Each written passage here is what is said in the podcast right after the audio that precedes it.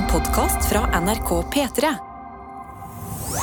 Du hører høydepunkter fra Lørdagsrådet på P3. P3. Hei! Jeg har flyttet inn med kjæresten min, og vi har god kontakt med svigers. Nå har det seg sånn at de ønsker å møte mine foreldre.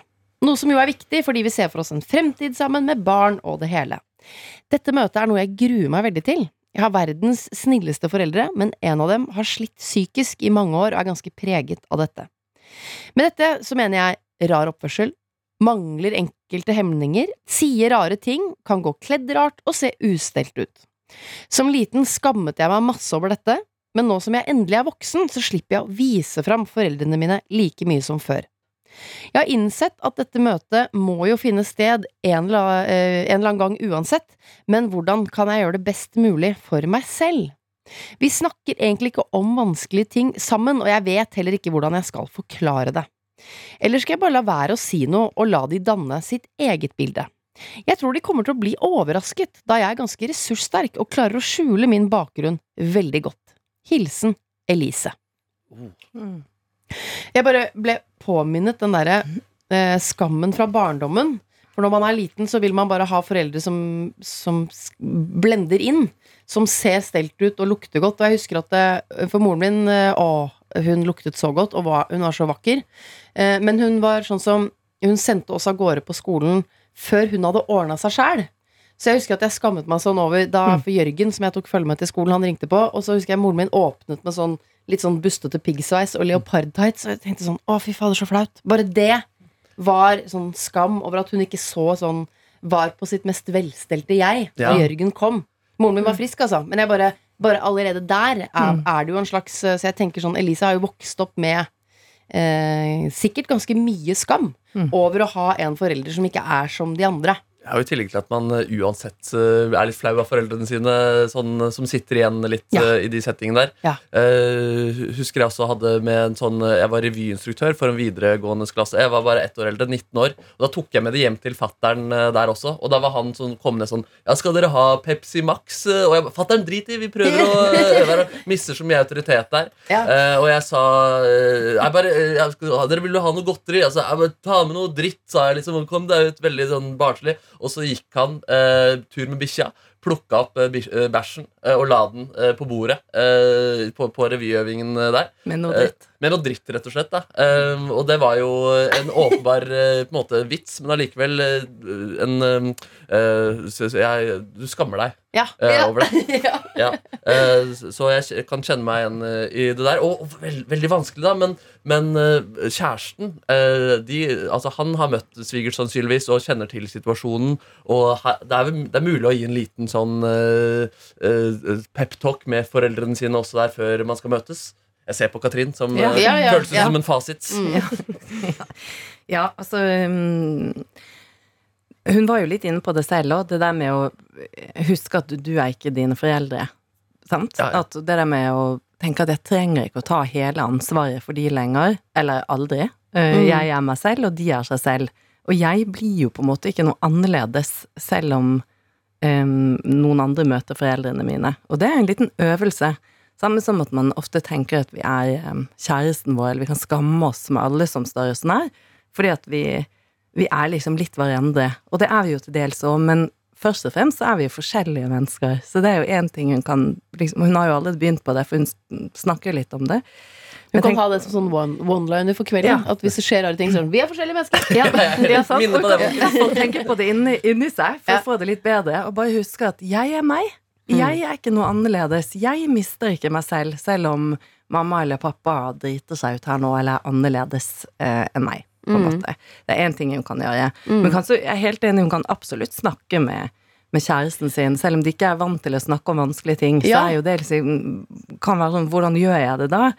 Sant? Så det, det her er en gyllen anledning til å åpne den samtalen litt, og kanskje si Altså da gjelder alle, alle vanskelige samtaler, så er det dette som gjelder. Å begynne litt mykt. Um, så trå vannet litt før man skal si det man skal si. Som for eksempel, nå skal jeg si noe som jeg ikke helt vet hvordan si, fordi at jeg syns det er litt ekkelt å si det. for eksempel. Det er en sånn myk inngang. Eller jeg skal Ja. si deg noe jeg ikke tør, jeg gruer meg litt, eller vi må si noe som jeg ikke vet, ikke sant? Ja, for da sier den andre sånn på, da? Ja. Og så er man i gang. Ja, så er man i gang. Da kan man si mm. klarer det ikke. Jo, men kom igjen, da. Ja. Det går fint. Ja, ok, ok, ok. Og så kommer det, liksom. Men kan det være uten at det på en måte blir den samtalen at det bare er litt sånn Ja, mutter'n er jo litt gæren. Ja, det kan man Eh, også at, at, si. som nesten ho, ho, At man liksom eh, har den både med typen og foreldrene der, og så skjønner de tegninga ganske greit der. Og synes jo, De er sikkert nervøse, de også. og Sikkert syns det er litt eh, behagelig. Og Ja. eh, ikke føle et overtak, men i hvert fall man blir litt eh, kanskje slapper litt av på det på en måte også. Ja, og det går jo an å si til kjæresten og kan du bare si det, du? At jeg gruer meg litt til det her, fordi at de er litt annerledes. Liksom. Ja, Men Jeg ser eh, for meg vil ikke hans snakke om foreldre det. som sånne derre eh, picture perfect-foreldre. Sånn eh, Robert De Niro og kona i Meet the Fockers. Hvor alt er sånn på, Ikke så strenge nødvendigvis, men bare alt er sånn på stell. At eh, svigerfaren hennes kommer i chinos, og alt er sånn Ja, altså sånn eh, At det er veldig sånn kontrast til hennes eh, mor, da. En sølvrev. Ja, Ja, ja. nettopp. Men eh, Annika, det, må de møtes? Altså, Svigerforeldrene hennes har jo bare sagt eh, det er et ønske om å møtes Mm. eh, alle sammen, men eh, må dette møtet finne sted? Ingenting må skje, Nei. men hun sier jo at eh, det er jo et ønske der.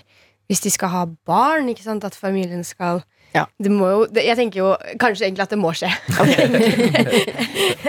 at det må forenes. Men jeg kan se for meg sånn Den dagen jeg skal forene min familie med en annen persons familie, så kan jeg se for meg sånn Det vil være ganske sånn skummelt uansett Mm. hvordan eh, Om foreldrene mine er annerledes eller ikke, så er det den der frykten for sånn Å, tenk om man ikke går over ends, og tenk om det ikke passer ordentlig sammen. Og, og, og, så jeg kan skjønne at det, at det kan være litt sånn skummelt uansett. Ja. Um, men, eh, men det er jo sikkert en fin sånn kneik å komme seg over, da. Hvis man skal ha barn og man skal leve et liv sammen. Er det Man burde fordel, møte sikkert. Ja, og det er jo ikke alltid at det blir sånn dødsgod match heller. Og så, og så går det også greit i livet. Så kan man styre, unna, eller man, altså dåp eller sånne store ritualer. Kanskje disse familiene sin møtes seinere og sånn, men man, det er jo ikke alle som har sånne søndagsmiddager hvor alle liksom er eller Hvis matchen skal være skikkelig dårlig, da. Ja, for det er det man Ja. tenker at, at eh, familie er noe som på en måte Det må, det må funke dritbra hele tiden. Ja, Men så finnes det jo så mange heller. ulike Ja. familier. Det finnes så mange måter å være i verden på. Det trenger ikke å være sånn at begge foreldresett er med på alt samtidig. Kan ha, møtes to ganger også. Sant? Jeg føler også at eh, hvis eh, svigerforeldrene er for like, at det er to sett med sånn litt like ressurssterke svigerforeldre, så kan det bli litt sånn kniving. Mm. At det er sånn derre Nei, vi tar den barnen. Nei, vi gjør det. Sånn gjør det i vår familie. At alle har sånne sterke tradisjoner, og at det er nesten duket for mer sånn krasj da.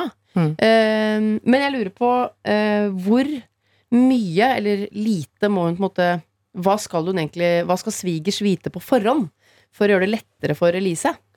Altså, Det kan jo være at du ikke trenger å vite noe på forhånd heller. At uh, Hvis hun går i de bustete klærne og håret er i, i alle kanter og gjør noen rare greier, så, så, så ser jo de kanskje tegninga ganske kjapt, kjapt der også. Ja. Eh, og at, eh, at et lite smil eh, til foreldrene er nok til å si jeg, jeg skjønner at dere ser at mamma er litt rar. ja. Eh, og, og, og sånn er det. Og den, eh, den, det, det må hun jo bare eksponere dem for før eller siden. Og Mm. om man tar den praten først, eller om det bare skjer litt gradvis, er kanskje ikke så Jeg vet ikke om det er noe er mer komfortabelt uh, enn det andre.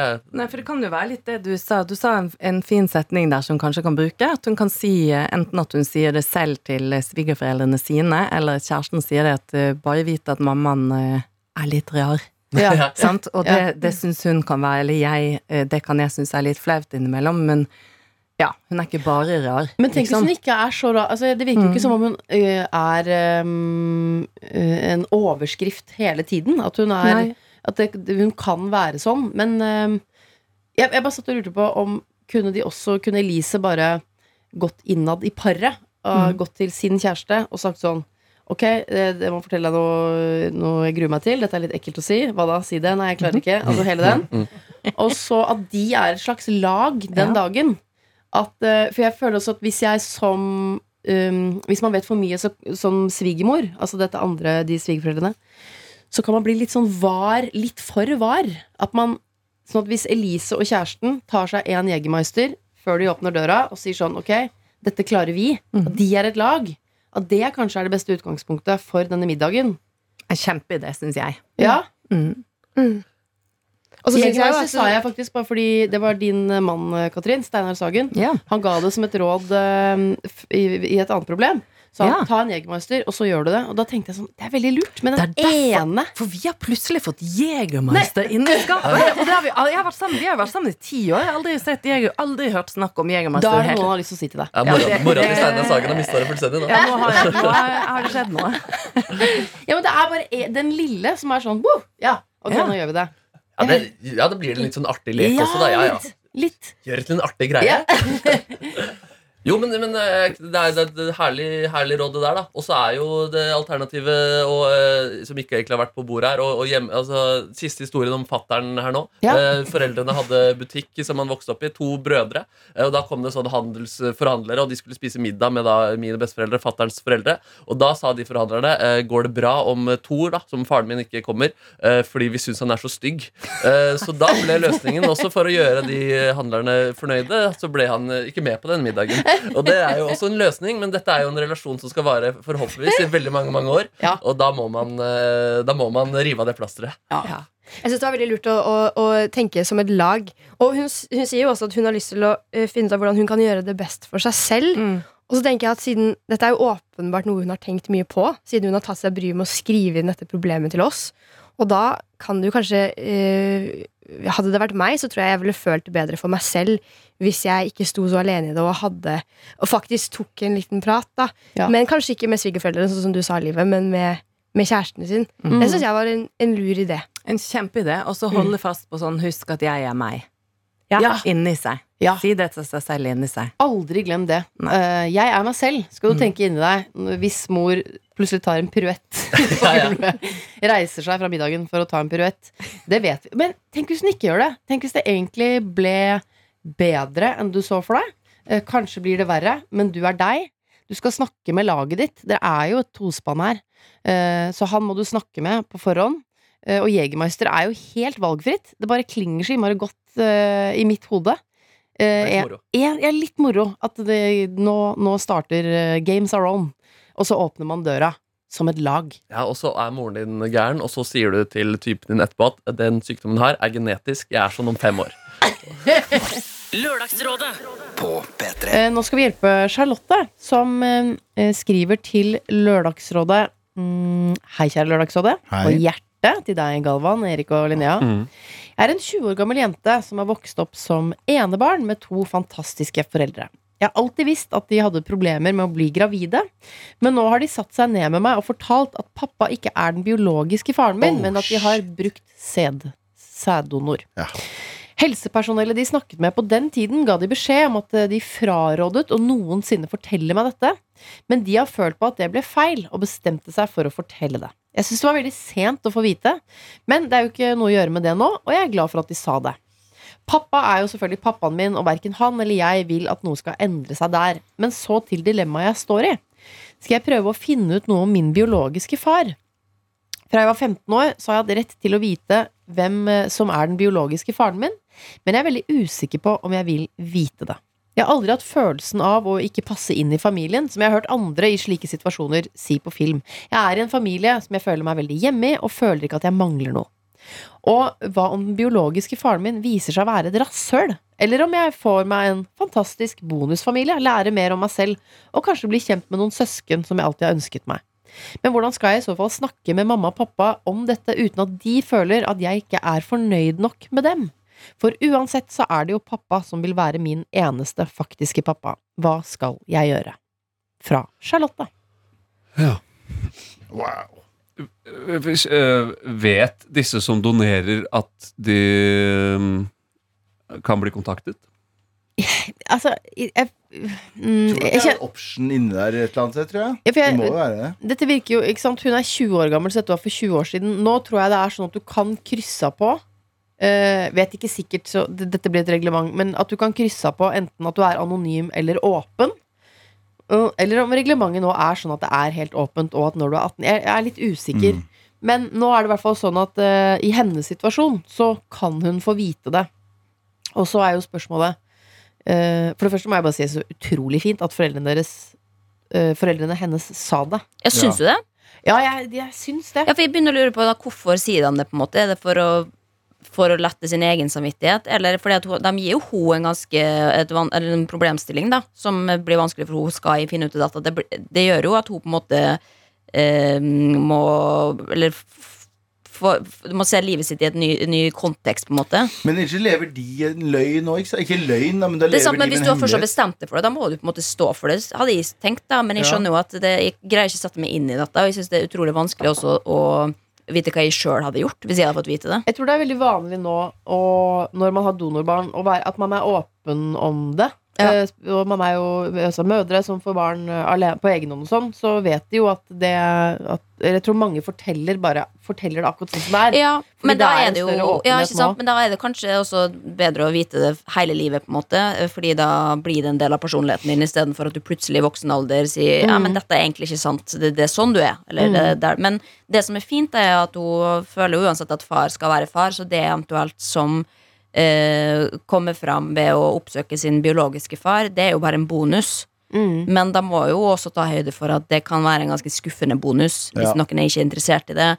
Hvis du da kommer inn og ødelegger en eller annen familierelasjon som ikke vet at uh, det finnes et uh, donorbarn der, på en måte. Jeg tenker at, jeg tenker at øhm, alle har rett til å vite hvor de på en måte kommer fra hvis de har lyst til det. Så jeg, tenker- jeg tenker at det er riktig avgjørelse fra foreldrene, men jeg tenker at det, det skumle her er, hadde jo vært Ikke at det kommer til å skje, men det skumle hadde jo vært at hun hadde følt en mindre tilknytning til sin far nå, da. Mm.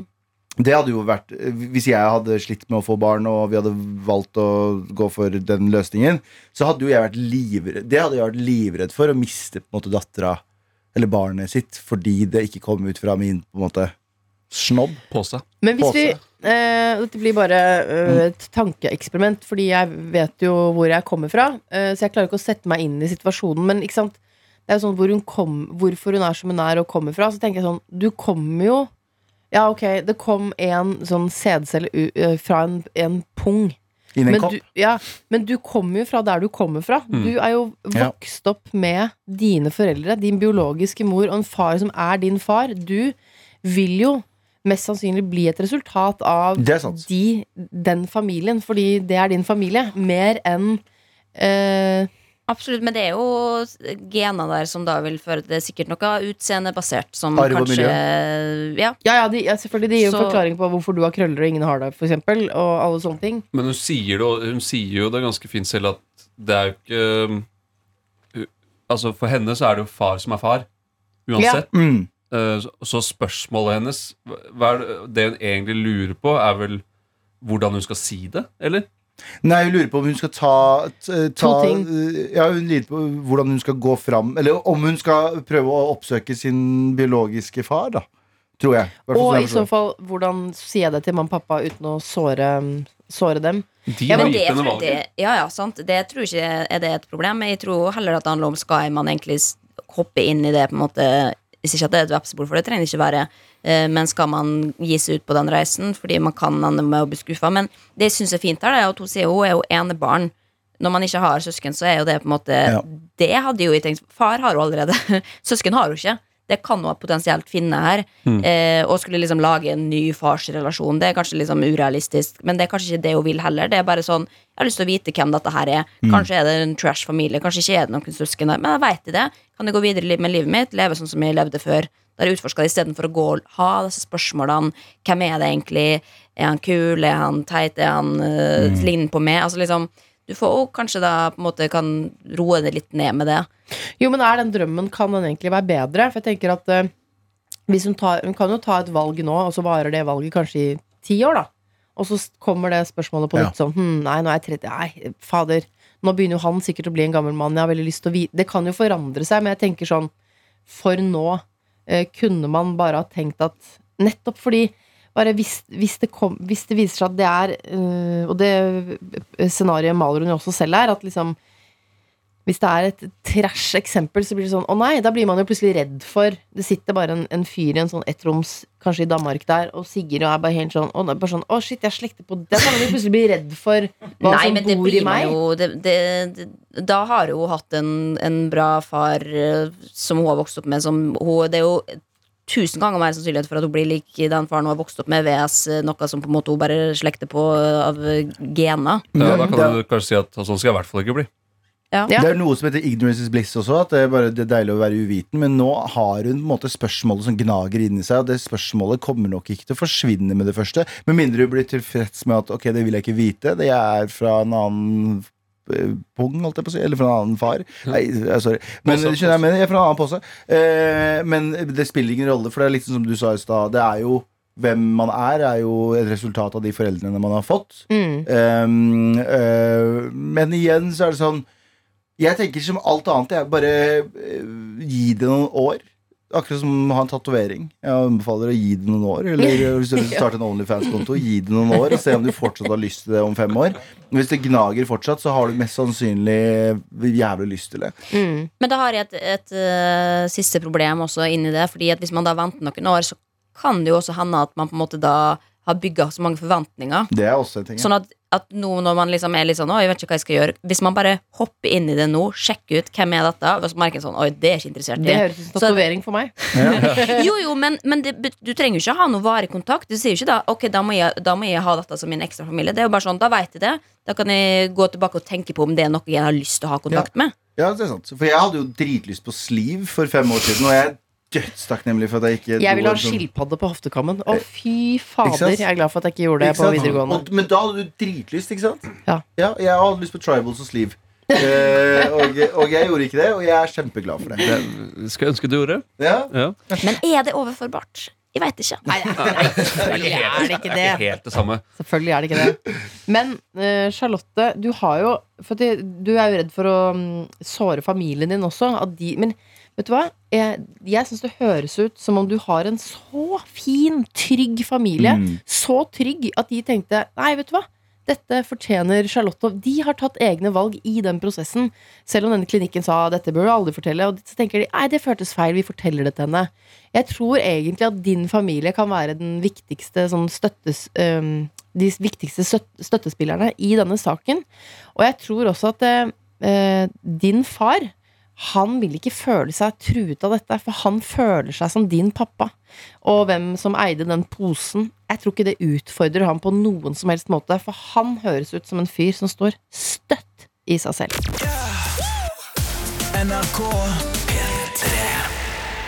Filifjonka skriver at eh, jeg er en eh, ung student som liker å ha orden og full kontroll på alt, til en litt ekstrem grad. Jeg har lenge hatet mennesker som kommer forsinket, fordi jeg har følt de ikke respekterer meg, er dårlig på planlegging og ikke gidder å gjøre et redelig forsøk engang. I det siste har jeg innsett at disse følelsene kommer fra at jeg selv ikke tolererer slik oppførsel fra meg selv. Jeg har vokst opp i et hjem hvor det var verdens undergang hvis vi var forsinket til noe. Eh, Det kunne eh, bli sur stemning i flere timer, noen ganger dager etter. Nå er jeg et menneske som planlegger, beregner, skriver ned og styrer for alltid å ha kontroll og alltid gjøre alt riktig. Dette er stressende, krevende og slitsomt og stjeler mye fra meg. Nå har til og med terapeuten min sagt at jeg må øve meg på å komme forsinket, og jeg er enig, men hvordan? Det ligger ikke i min natur. Som en øvelse så har jeg planlagt hvordan jeg kan komme to minutter for sent til noe, men det er jo fortsatt planlegging, beregning og kontroll. Dere har tidligere snakket om å komme for sent, eh, som noe som bare skjer. Jeg skjønner ikke dette. Jeg greier ikke å, å senke skuldrene. For vi har mange ganger i Lørdagsrådet snakket om for sent coming, for det er jo, viser seg å være et gjentagende problem for mange. Hører du, Christian Michelsen? Hvordan Vi vet du hører på Christian Michelsen.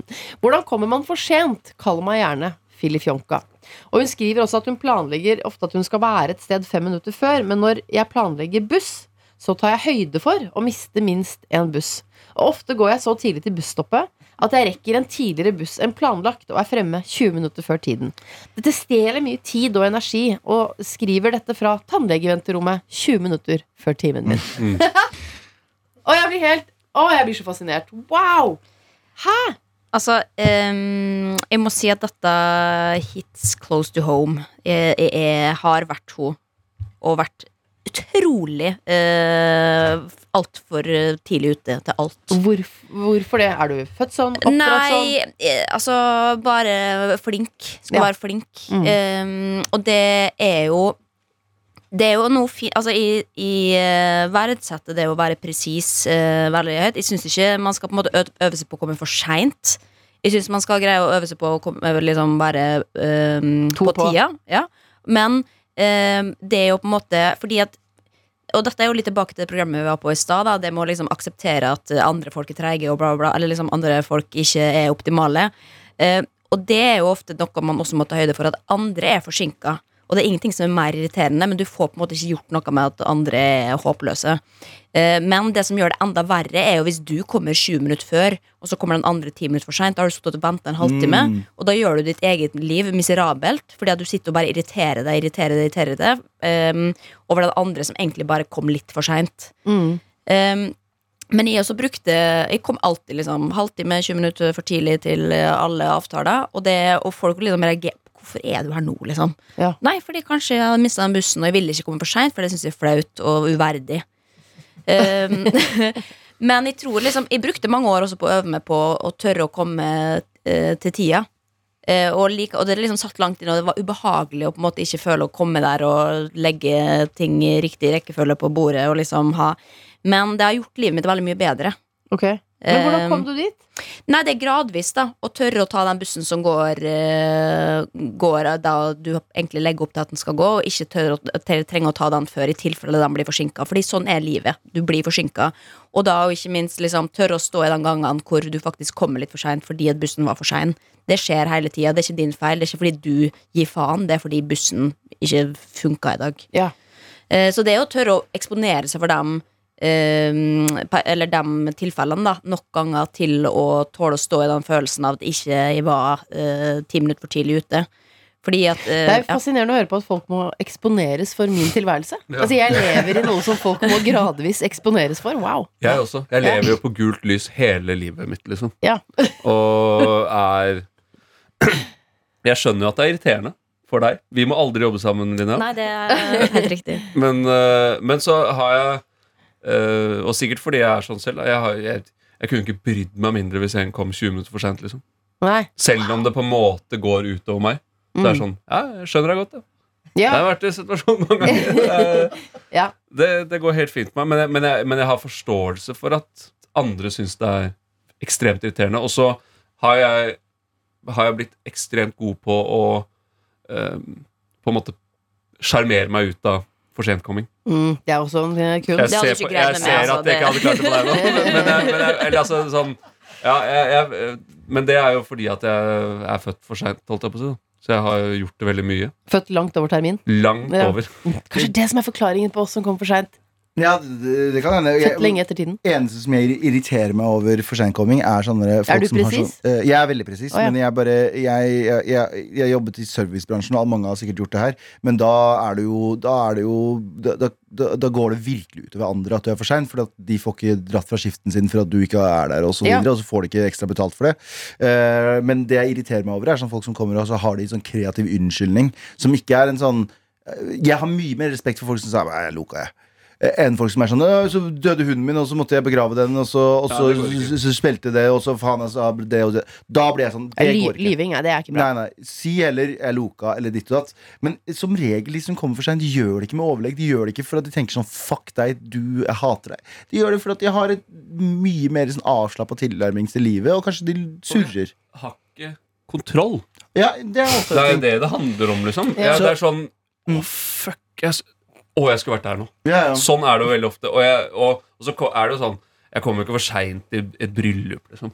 Eller, eller hvis vi skal på, på um, hvis, det er, hvis det er dritviktig, så prøver jeg for alt det er verdt å liksom komme til tiden eller, eller komme før. Men jeg, jeg er Jeg har ikke så bra kontroll på ting. Jeg. Og det er, jo ikke verdens, det er jo ikke verdens undergang heller, som regel, å komme for seint litt. Jeg skjønner at hvis det er noe å ta over en vakt, eller det er sånne ting Men jeg liker å være tidsnok, men sånn, det er også en sånn han sa at øh, Eller hun sa at hun har begynt å tenke sånn Ja, ja, det går fint. Og det er jo det du må gjøre her også, med mindre det, går, med mindre det er en sånn veldig sånn tydelig avtale, som et bryllup, eller at du skal hente noen og sitte ute. Jeg stått og venta på en kompis i 40 minutter utafor leiligheten hans en gang. Han bare sånn Jeg gikk ut av dusjen nå for 40 minutter siden. Det kan irritere meg når det er bare Ja. som det er. Ja, fordi det, det, altså, hvis du kommer for seint, og om det bare er to minutter, da syns jeg at liksom, det, det er greit så lenge du faktisk sier fra. Du, sorry, jeg er noen minutter for sein. Um, da er du på en måte ut, unnskyldt. Men det er når folk liksom kommer 20 minutter og bare sånn ja, hvem bryr seg? Altså, det, det provoserer meg voldsomt.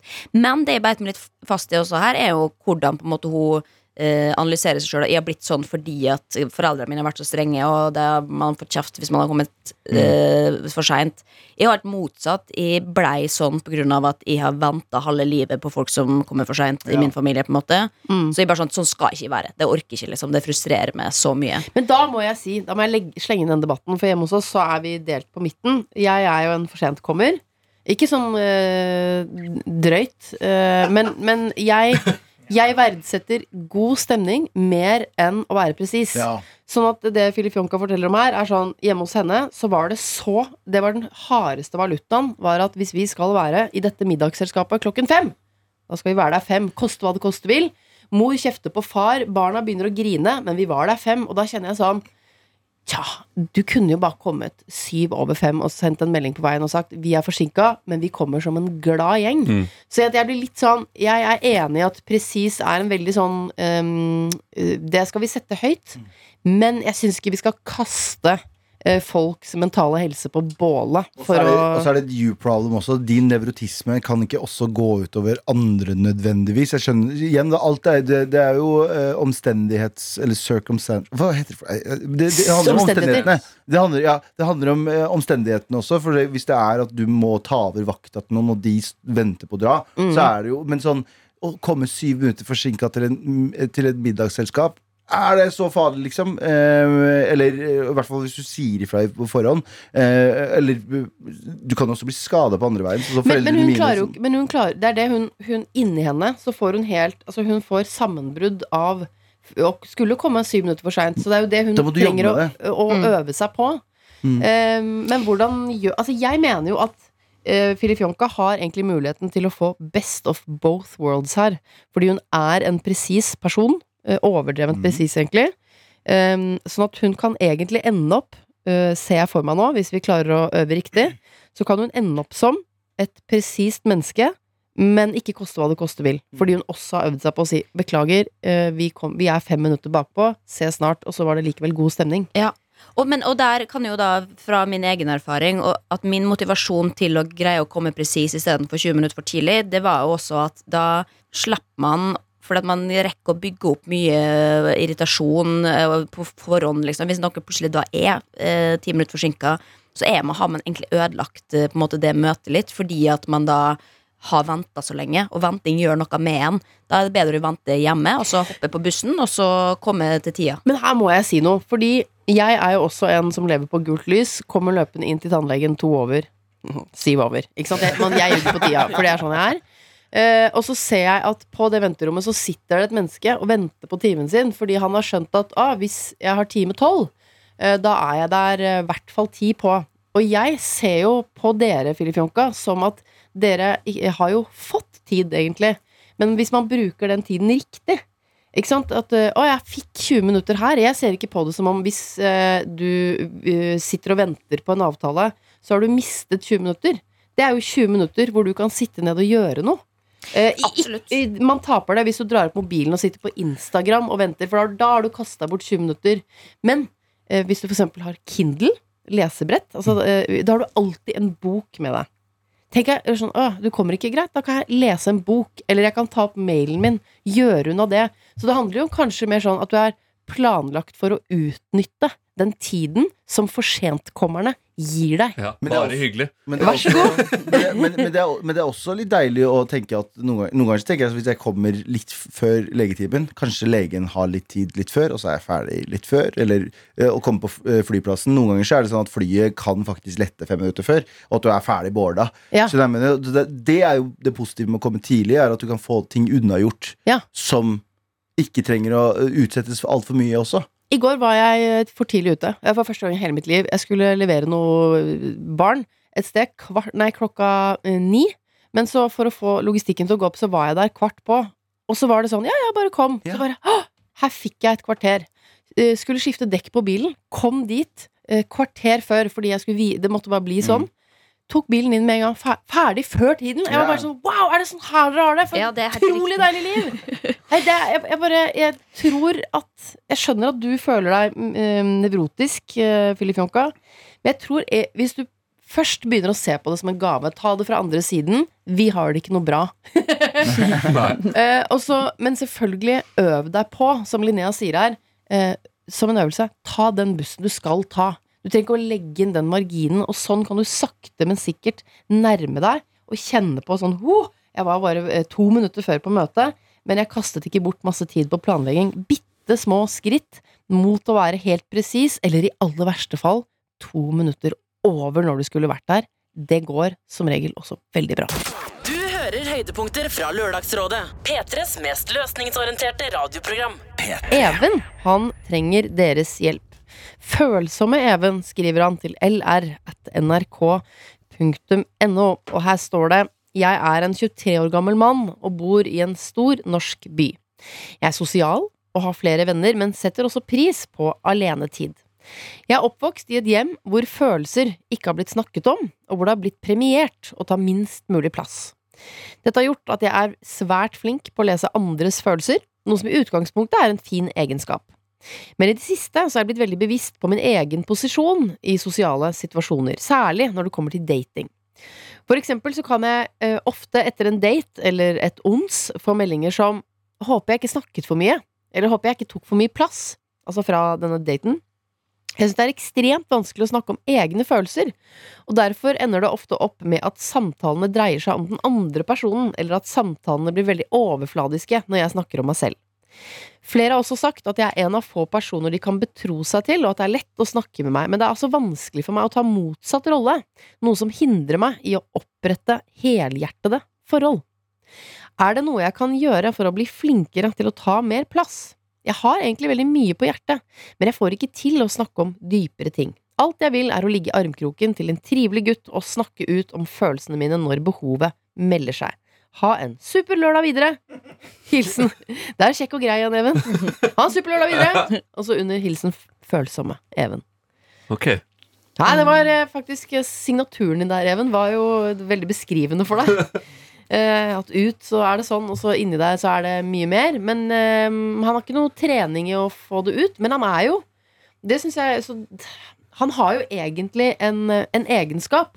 For folk betror seg til han, så han er åpenbart veldig god på disse tingene. Jo, men det, og det får man jo kanskje også fordi han da, i og med at han ikke har så behov for å si så mye sjøl, så blir jo han en god lytter, da. Mm. Så, fordi at det som ofte skjer i relasjoner, hvis begge to er flinke til å snakke om følelsene sine, på en måte, er jo at man er sånn, ok, nå kan du snakke litt om dine følelser, men da skal jeg si noe om mine. Jeg bare tenker på mine følelser ja, for at uh, jeg skal Ja. Og at det er en liksom evig kamp, og det er jo et, et, en veldig god egenskap å kunne lytte, eh, fordi det trenger man. Men når man kommer Jeg skjønner, jeg har jo ingen problem eh, med å forstå at eh, det er vanskelig å sette ord på følelsene sine når man aldri har fått lov til å gjøre det i oppveksten. Og det er utrolig trist at det, at det skal være sånn, og det er mange som har det sånn. Um, men det viktigste man da gjør, er jo å begynne å øve. Fordi han kommer ikke til å bli noe bedre på det hvis han ikke tør. Og det kommer til å være vondt, fordi det er ekkelt å snakke om ting man ikke er god på å snakke om. Men det blir litt bedre for hver gang. Og det tror jeg liksom at hvis man greier å si det også til hvis man er på en date, da, eh, at liksom jeg, har, jeg er ikke så god på å snakke om følelser, jeg har aldri gjort det før, så jeg må bare liksom øve meg litt på det. Da har man kanskje også senka terskelen litt, da. For Mm. liksom da, ok, hvis du da sier noe rart, så har du på en måte gitt eh, en advarsel i forkant.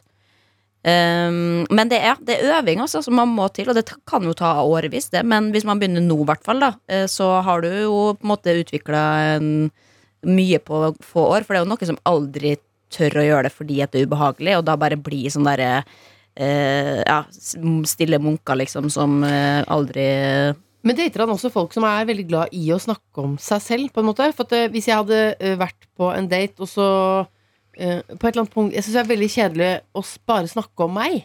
Men- så at eh, hvis jeg er på date med noen som er litt sånn eh, ikke, ikke um, kaster ut hva som foregår på innsiden, så blir jeg jo desto mer nysgjerrig.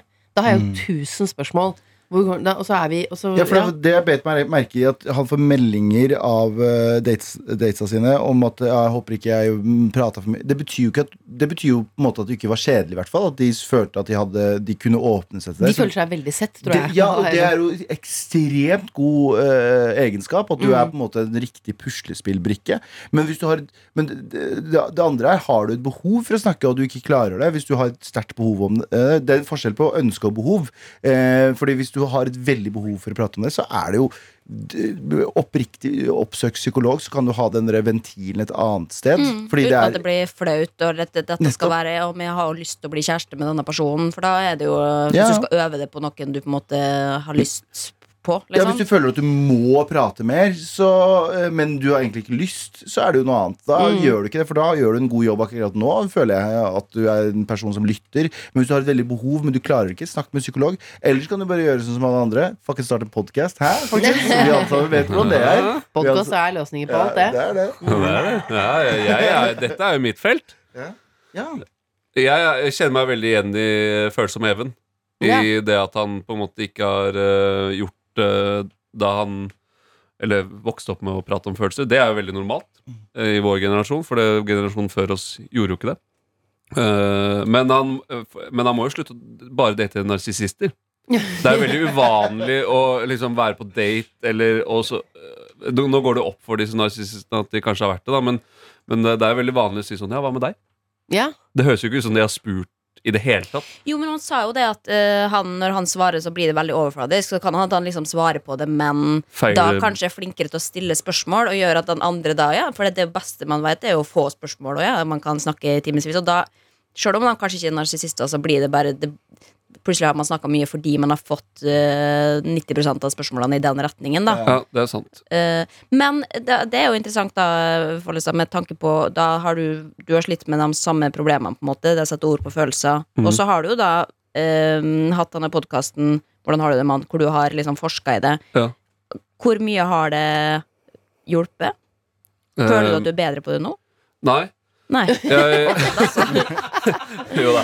Jeg, Kanskje du, men kanskje ikke du ser det selv? Har du merka at andre folk eh, påpeker det? ja, vi har, ja, jeg har jo eh, Vennene mine har sagt at vi har blitt flinkere på det. Terskelen for å gjøre det for min del har blitt litt lavere, men jeg syns fortsatt det er vanskelig. Ja. Uh, og så uh, Og sammen med hjemme liksom, med kjæresten min, så, så hun prøver og prøver og prøver, og det funker litt bedre. Jeg syns det er dritvanskelig, fordi at det er liksom et, uh, et felt hvor jeg Jeg blir flau av det. Ja. ja. Eh, jeg syns det er flaut å snakke om mine For jeg lager det til problemer i mitt hode. Selv om det kanskje ikke nødvendigvis er problemer hver gang. da Hva, Eh. er- hva, hva er problemer da?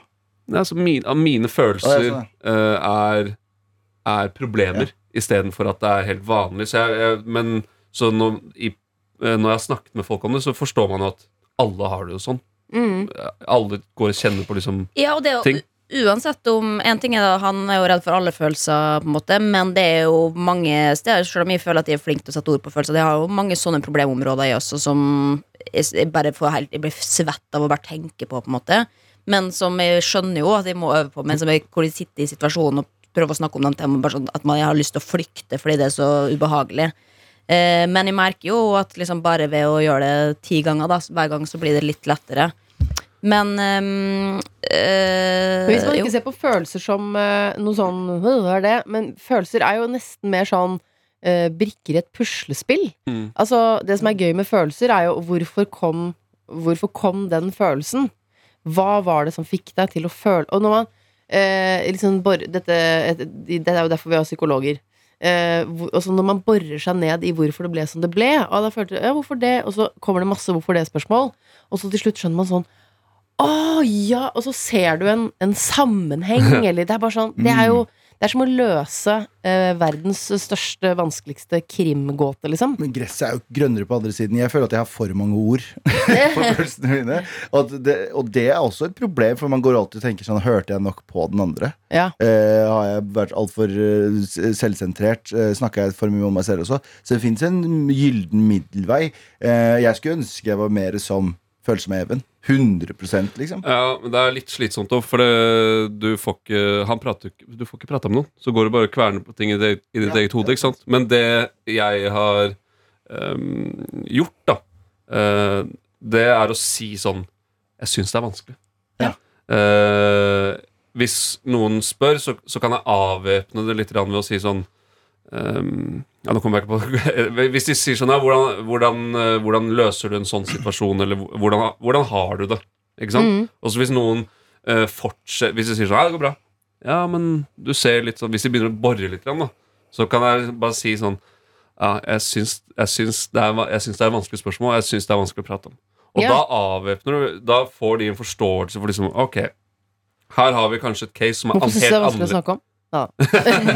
Ja, men da skjønner jo den andre personen at Ok, her har vi et case som er helt annerledes enn meg, for eksempel. Mm. Eh, så da må vi kanskje gå, ha en litt annen fremgangsmåte på samtalen. Ja, og det, det, men det er også at Ok, man sier det, jeg synes det er vanskelig å snakke om, men der er det jo veldig mange som da s- eh, bare Ok, men da snakker vi ikke mer om det. Og det er kanskje det mest Det som har frustrert meg mest med mennesker jeg har møtt gjennom livet, som bare sånn Ja, men sånn, sånn er jeg. Det, Ja, ja, ja. det får ikke gjort noe med. Sorry, jeg snakker ikke om følelser. Bare så, okay, Men da må du lære deg det. Det er liksom, det er aldri for seint. Du kan ikke gå gjennom livet og ikke skulle snakke om følelser. Det, det, du må Sjøl om du ble oppdratt sånn, så er det ikke, du er ikke fanga for alltid. Mm. Men jeg skjønner jo at det er tungt, fordi man, har, man tror det er sånn virkeligheten er. på en måte Men du må faktisk lære det. Eh, Ja, men jeg, jeg mener ikke at man skal si at jeg syns det er vanskelig å prate om for å ikke snakke om det. Nei, nei, og jeg sier ikke at du gjør det, men jeg, jeg bare det, det er mange som da ikke på en måte tør å gå inn i det fordi at det nettopp er vanskelig. Men da Ja. er det jo bare en utfordring som du egentlig må hoppe på, istedenfor å unnskylde det med at jeg syns det er vanskelig, derfor gjør jeg det ikke. Men når man skal øve på ting, og, og man bare sier 100% enig med sånn Sånn er jeg! Ja. det sånn, nei, sånn trenger du ikke å være, tenker jeg da. Men øh, en god øvelse hvis man skal eh, øve seg på å snakke om følelser, er jo ikke sant, hvis, nå, det, nå tester jeg dette høyt. Em, hvis folk eh, stiller han spørsmål som syns som han syns er vanskelig, hvis han svarer med 'jeg føler at', for da må du jo svare med en følelse, istedenfor å si 'jeg syns at'. Ligger det en forskjell her? Hvordan har du det? Nei, jeg føler at det går For da snakker du jo om følelser framfor Nei, jeg syns at uh, november er uh, litt uh, tungt.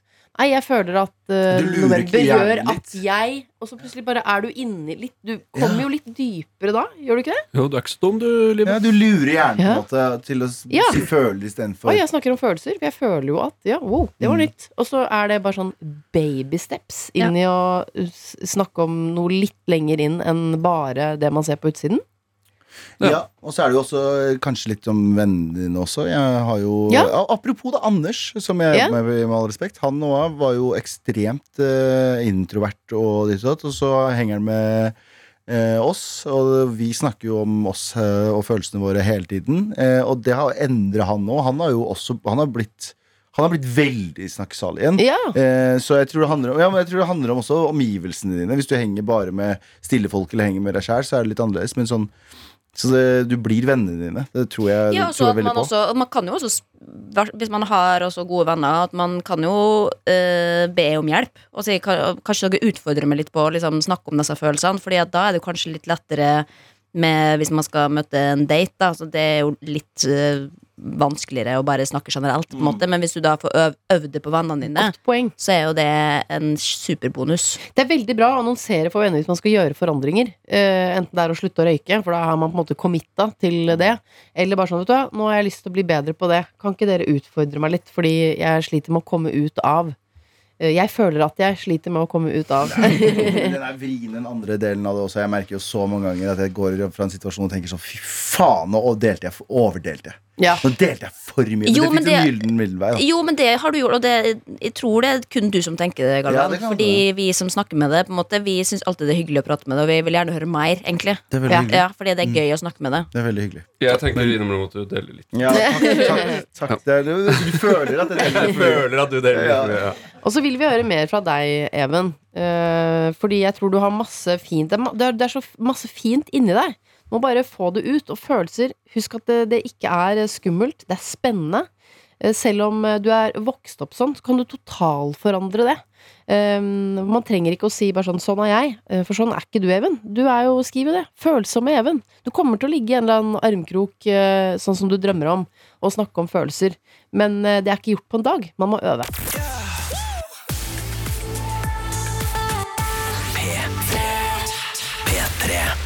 Nå er det altså mamma Fuji og søster Kodak som har et eh, problem, og de skriver Hei, kjære Lørdagsråd. Vi, jeg og mamma, eh, håper dere kan hjelpe til med et moralsk dilemma. Moralsk er med spørsmålstegn, for hva er dette egentlig? Vi mistet den kjære, flotte storebroren og sønnen vår for fire år siden. Vi har siden da hatt en pose med engangskameraer som vi ikke aner hva er på, og ikke har vi visst om vi skulle fremkalle de eller ikke. Vi er usikre på hvor gamle de er, men mistenker at de i hvert fall er ti år gamle. I så fall har han valgt å ikke fremkalle de selv, eller gjemt de. Vi vil jo ha så mange bilder av han som mulig, men samtidig så er det jo ikke sikkert at dette er bilder ment for oss. Kan vi bli litt klokere sammen? Er dette noe vi skal ta vare på, eller skal kameraene kastes? Hilsen mamma Fuji og søster Kodak. Kan man f.eks. tenke at det, han hadde en veldig nær venn som det ikke er så Som, man, som kunne fått se på bildene etter at de var fremkalt først, og sagt sånn Jeg tror ikke dere vil se dette her. Men da Eh, vil også, da, jeg, jeg tenkte også det første, eh, eller akkurat det samme, men i det du sa jeg tror ikke dere skal se dere her, så tenkte jeg uff, da blir man jo veldig Hva er det da? Da, altså, da begynner man å lure veldig på hva man ikke Men da må, skal man få sett. ja, da må man avtale det på forhånd Men si sånn Ok, Ja. dere, du fremkaller, Ja. og da hvis du tenkte at det ikke var noe vi skulle se, så kaster du det du tenker at vi Og så er skal vi ferdig med se. saken, liksom. Ja, Ja. ja, for da er de borte, så det er ikke noe å gjøre med. Men, Men det tror vi blir er fortsett Tror du ikke de da vi, Da blir det liksom mysterium om engangskameraene resten Altså eh, deres liv. Hva var det nå på disse bildene? Altså, Men la oss Ja. snakke høyt om hva er det vi er redd for at Altså, det er jo ikke et liv som dobbeltagent vi er redde for å finne. Eh, Det er nakenhet. Ja. Og kanskje sam sex. Festspiller, eh, festspill. Fyllefest. Men jeg tror jeg ville kanskje nå, Jeg syns dere Fyllefest hopper er veldig raskt til, den der, um, til, um, til sånn den praktiske løsningen. For jeg, jeg tror at det Altså, dette er jo uh, ja, det er liksom tungt og vanskelig, men jeg syns det er veldig så fint at de liksom tenker på dette. Og så er det jo, er det jo kanskje et sånn valg altså vi, som man må ta som etterlatt. Dette vet jeg ikke, men hvis jeg skal forsøke å leve meg inn i en sånn vanskelig situasjon. Og det er jo om ønsker man å bli kjent med hele mennesket, eller ønsker man å, bli, å bare bekrefte det bildet man har. Og de aller fleste mennesker, selv i veldig åpne familier, så er jo folk er ofte enda litt mer komplisert, eller har sider som de ikke deler med andre. Eh, De har et liv, enten det, det kan være helt uskyldig, men festbilder med masse kompiser er jo ikke nødvendigvis noe de fleste viser til foreldre eller eh, søstre. Men det er jo en del av den man er. Eh, og og det, skal, det er jo veldig liten sjanse for at det er noe som liksom, Det antyder jo ikke de heller, som vil rokke ved noe grunnleggende her. Så da er det jo kanskje den, det er det første de må tenke på, da. Ja, eh, og så er føler, føler de kanskje at det er en litt sånn invasjon av hans privatliv også. Det er en litt vanskeligere det er jo det. Er jo det er jo det. Det er en invasjon av hans privatliv. Men er, jeg skjønner at det, det som kanskje er vanskelig, er jo å, å bare kaste livet til en annen i søpla. Det er sikkert det som føles eh, vanskelig. da Hvis du finner, Det er litt som å finne en dagbok. Altså, Ja. eh, Ja. ja. vi fant eh, dagboka hans, eh, eh, men den, den kasta vi rett i søpla. Altså. Det føles Ja, og mest Ikke bra. sannsynlig så er det jo helt greit Mm. på de kameraene. Kanskje i verste fall er det noen ja, litt personlige mm, bilder av noe kropp. Men altså, man vet jo at folk også har et Noen Jo, har et samliv. Det er jo ikke noe veldig liksom- rart, det heller. Sånn, hvis, med mindre det er noe Ja, sånn så sånn uberekkelt kriminelt. engangskamera, men det er vel mye sånn Jeg tenker mer på sånn Altså jeg har Siden jeg vokste opp eh, på den tiden hvor det var liksom engangskamera var en reell greie, da. Det er ganske mye dårlige bilder. det er mer sånn her, liksom bilde av sånn Ok, der var rumpa oppi ansiktet til han som sov, og Ja. Det er jo- noen det er jo det er jo Det er vel liksom det som er høyest på listen. Det er Ellers det er det bare vanlige, hyggelige bilder. Det er det Det kan det også være. Og, og da tenker jeg kanskje de bare skal eh, Altså, når folk dør, så er det jo alltid uansett en opprydningsjobb i deres eh, lange levde liv, om det er hus man Altså, alle mine besteforeldre har nå gått bort, ikke sant? og da er man jo med og rydder ut av huset og finner plutselig en eske med noen bilder man aldri har sett før, eller Det er jo eh, på en måte en slags reise nedover noens liv som du Og du finner jo alltid noe du Mm. aldri ante du ville finne, på, holdt på å si på godt og vondt. Men jeg tenker, det er, er ikke det også egentlig litt fint? Da får man jo nesten enda mer sånn Ja, At, av nettopp det du sa. At Ja. kanskje det, det er egentlig litt fint at man kan tåle det òg. Fordi stort sett er jo folk eh, ok, ja. liksom. Selv det, veldig, det kan jo være gylne øyeblikk her også, som man er veldig glad for at man ser. Eller det kan være ting som er sånn ok, det hadde vi kanskje ikke behøvd å se, men allikevel, dette er jo en del av en person som er borte. Og det er jo alltid en hel person som er borte. da Ja. Med alle sine sider og alle sine venner og familie. Men jeg syns det du sa, var veldig interessant i forhold til at eh, når noen dør, så sitter jo de etterlatte igjen med eh, Sånn var han, eller sånn var hun. Og så er det ikke alltid kanskje at man har ikke sant, eh, alle, hele personen egentlig med liksom alle kriker og kroker. Og så tenker jeg, burde man kanskje stille seg spørsmålet sånn Ja, eh, er man Tåler man Ja. eh, å finne det? Altså, sett at eh, det, Uff, det var min bror, da. Sorry, Jakob. Men han, ja. Og så skulle jeg finne, at, finne ut at han yes, Ja, han tok litt kokain på fest, han. Ikke sant? På et sånt engangskamerabilde. Ja. Altså, da, det vil jo kanskje reise noen nye spørsmål. Mm. Men at man er forberedt på det. Hadde du fremkalt det, Torbjørn? Jeg, jeg tror jeg hadde gjort det. Um, rett og slett for at hvis jeg, jeg, jeg tror jeg hadde gjort det. Um, fordi at tror, jeg tror det hadde hjemsøkt meg mer å kaste det uten å vite hva som var der. Og at nettopp i den der ryddejobben så er det jo Mange vil jo kanskje rydde mer og mer etter hvert, men de, alle som snakker om sorg, Sissel Gran eller andre, sier vel det at det å nettopp sånn ta den ryddejobben, det er en veldig viktig del av å prosessere dette. da. Ja. Men da, da mener jeg at å det- kaste de, de engangskameraene er en ganske viktig del av den prosessen. Fordi han, han har, jo, har jo ikke hatt lyst til å fremkalle dem selv engang. Og Nei, altså, jo, men altså, jeg har viktige. 100 Ja, det har millioner jeg også. engangskameraer. Jeg aldri har aldri giddet å dratt til fotobutikken med. Jeg skal det snart, altså. det- Ja, Ja, ja. det er det jeg mener. Ikke sant? Men jeg kan si om meg selv hvis noen finner noen engangskameraer Eller jeg vil ikke at noen skal gå inn på mobilen min etter at jeg er død. Bare sånn, Da har jeg sagt det. Det er, da er det for seint, tenker jeg da. da. Hvis du vil bli kjent med meg, så får du gjøre det mens jeg lever. Ja. Men også, jeg tenker at det fins en måte å få skape det hele bildet da, som du snakker om, av et menneske eh, med f.eks. taler i begravelsen. Der kan man ha det. Mm. Hei, vi Skjønner Hvis det er for sent, så kan man jo ha en sånn etterfest. Sånn, Hei, vi Men dette er jo Tenker- fire år siden, er det ikke det? Det. Jo, men at jeg tenker at det, Etterfest, altså afterparty. Afterparty. Ja, men jeg mener det. Altså, man, kunne invitert en, man kunne invitert en fest. Da skulle man sagt Vi, vi, vi fant noen, eh, noen engangskameraer som vi valgte å ikke fremkalle fordi vi ikke kunne være 100 sikre på at han ville at vi skulle se de bildene. Men det har fått oss til å tenke på at vi skulle ønske vi kjente han bedre, og vi hadde et helere og større bilde av hvem han var. Så vi har tenkt å arrangere en liten sammenkomst.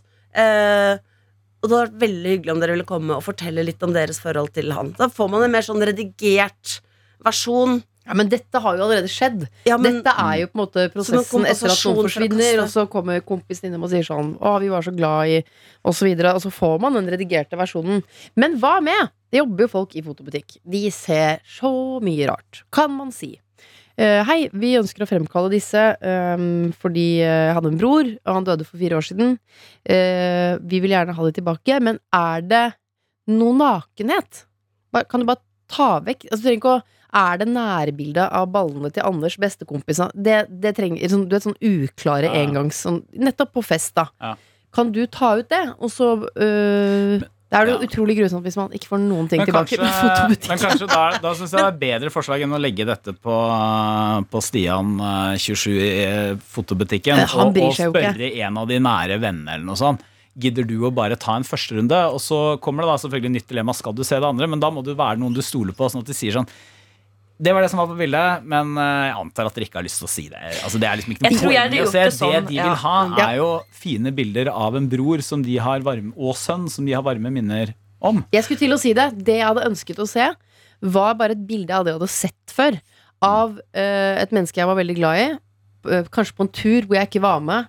Og så ser du det mennesket på toppen av en fjelltopp i et lykkelig øyeblikk. Så tenker man åh, du hadde det så fint. Det er jo, det er jo derfor man vil se de og bildene. det er så magisk, for de bildene finnes jo. Ja. Ikke sant? Når man rydder ut på Å, herregud, jeg ante ikke at han hadde vært der. Eller Ja. jøss, har han likt å ri på hest? Og, ja, Han kjørte båt, Jøss, ja, på den ja, hytteturen. Det ante jeg ikke. Nei, Så- ditt- dette må jo fremkalles. Nei, men, men, jeg ville hatt en, men jeg ville jeg absolutt hatt eh, Jeg hadde fremkalt, men jeg ville satt en av mine bestevenner til å ta en liten sensursjekk. Ja! Eh, ta ut de bildene du tror jeg ikke ville hatt det bra med, og fortell meg nå hva det er. Og hvis ikke det er noe, prima, liksom. Jeg vil bare Ja. si at Ja. jeg tar dissens. Altså Så viktig syns jeg det er å ikke, ikke gå i, Ja. i eh, ikke, Men det er for å altså, respektere altså, folks privatliv i etterkant. Ja. Det er det du mener, ikke ja, sant? Ja. Altså det, det du ikke har men de er jo døde, de er borte. Jeg er litt enig. Men, men det spiller ingen rolle. Altså, det er noe som heter ta med seg en hemmelighet til graven.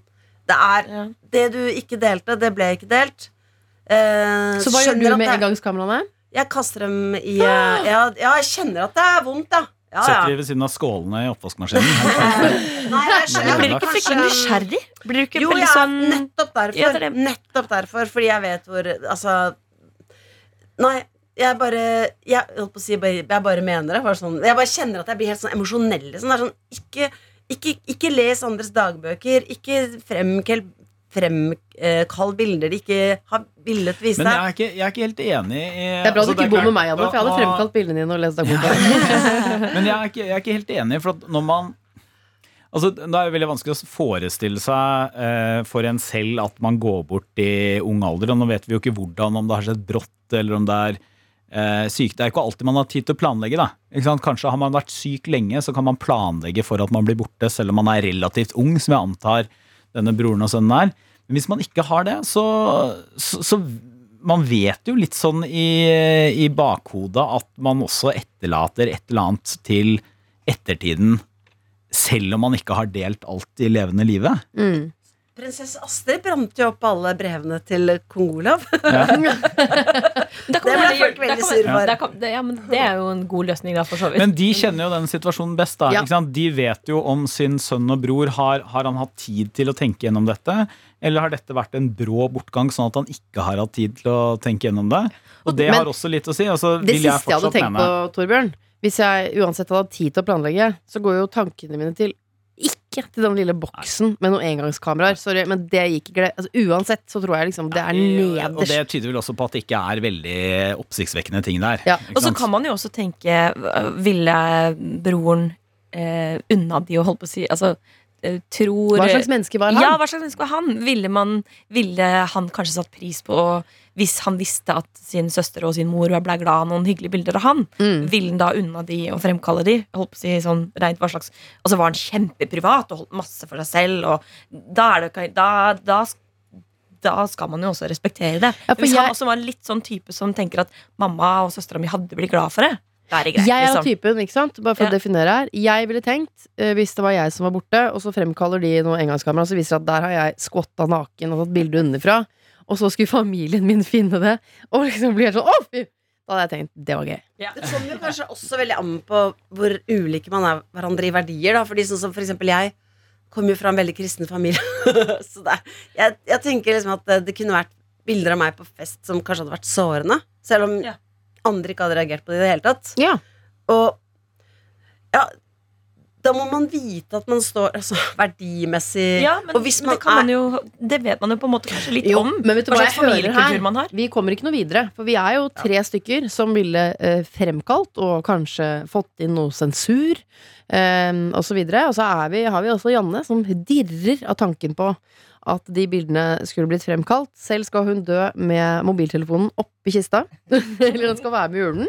Fordi du vil at ting forsvinner med deg. Ja, ja, ja. Så her er det jo bare mamma og søster som, eh, som kjenner bror godt nok, for det første, eh, og må selv kjenne etter sånn hm, Vil vi vite hva som er der? Og hvis svaret er ja, fremkall bildene. The Kåss Furuseths. Amanda Delara. På den der instruksen så står det etter at du har liksom kokt grøten, så skal du legge den under en dyne i tre timer. Hæ? Jeg var sånn syv år. Vi hadde en lærer. Hun var litt sånn gretten og litt sånn Og så en dag så hadde jeg bare fått nok. Og så begynte jeg å ringe rundt. Så det er sånn, Nå skal jeg samle underskrifter fra alle dere. Så kjenner lukten. Det er sånn Det er jul. Ja. Tingen, det er en Det Kåss Furuseths hver søndag fra 11 på P3 og som podkast i appen NRK Radio. P3.